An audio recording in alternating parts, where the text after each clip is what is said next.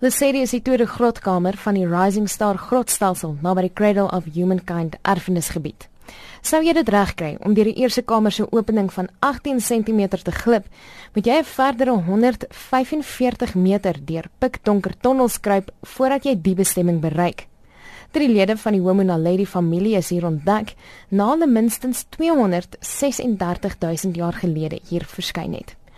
Volgens professor Lee Burger aan die Universiteit van die Witwatersrand word een van die drie wat nou al gedoop is, beskryf as een van die mees volledige hominid skelette nog. It's a spectacular skeleton with a, a very complete skull which gives us a first look at the face of Homo naledi.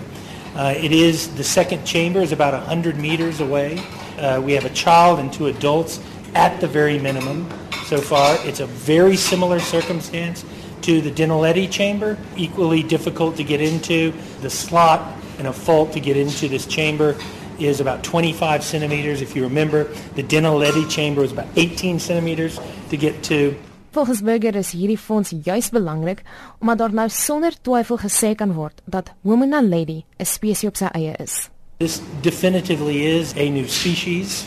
It confirms the morphology that we had to work with perhaps not as well preserved material with before and gives us again a look across the body and will actually act I think as a Rosetta Stone into the future for looking at that large assemblage within the Dinaledi chamber. Die twee grotkamers is ver uit mekaar, maar Berger sê albei vertel dieselfde storie. It also potentially speaks to more support for the idea that Homo naledi was deliberately disposing of its dead inside of another chamber. The coincidence of an identical situation occurring in almost an identical spot, equally difficult to get to, with material that still shows no sign of scavenger mark, carnivore marks, or anything on it does in fact add weight. We are looking at a small-brained hominid that is, is doing something very unusual in these deep recesses of these caves. Daar word al lank oor die spesies se ouderdom bespiegel. Vandag, na 6 onafhanklike en afsonderlike toetse, is die ouderdom van die oorblyfsels uiteindelik bekend. The date of Homo naledi in the Dinaledi chamber is 236,000 years to 335,000 years.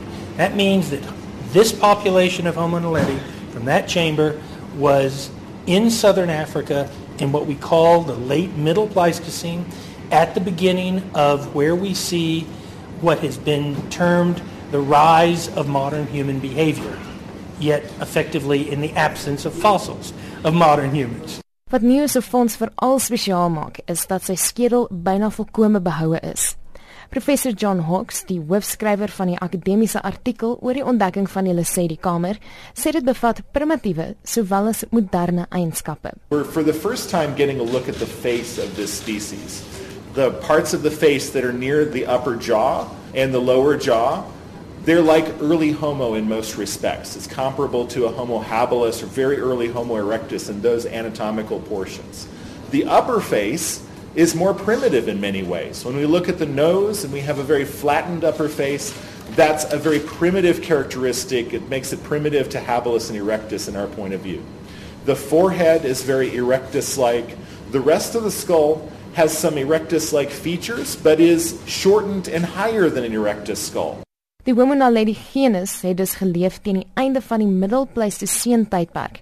Aanvanklik is daar geglo dat slegs Homo sapiens, die moderne mens, in die laat tydperk geleef het. That implies that as our species arose, it arose with others. That there were a diversity of different species of hominins in Africa occupying these environments during what we had considered to be the critical time period of modern human origins. We do not know which of these species are responsible for the artifacts that we have found. Volgens Hawks is daar relatief min inligting oor vroeë lewe suid van die ewenaar. Die ontdekking stuur oorspronklike teorieë oor die mens se oorsprong in 'n onverwagse rigting. Homo naledi is there. Archaic humans are there. The ancestors or potentially the earliest modern humans are there. And we don't know how they interacted, which of them were responsible for the artifacts that we find, or in fact, how they may have been connected to each other. It's a really, really exciting moment because now all of these things are in doubt. Verdere navorsing dui daarop dat die oorsprong van menslike evolusie eerder suid van die ewenaar plaasgevind het in plaas van huidige inligting wat dit noord van die ewenaar plaas. In places like Ethiopia, they effectively have argued for decades that there is only one species at any one time in the in the Pliocene leading into the Pleistocene. They have an absence of certain types of forms like robust Australopithecines. Every time we seem to open, discover a new site down here, we see something new. And we are not, I would say to you, creating a species inflation uh, sort of situation because we have lots of these. You know, we're dealing with skeletons and tremendous amounts of remains that are unprecedented.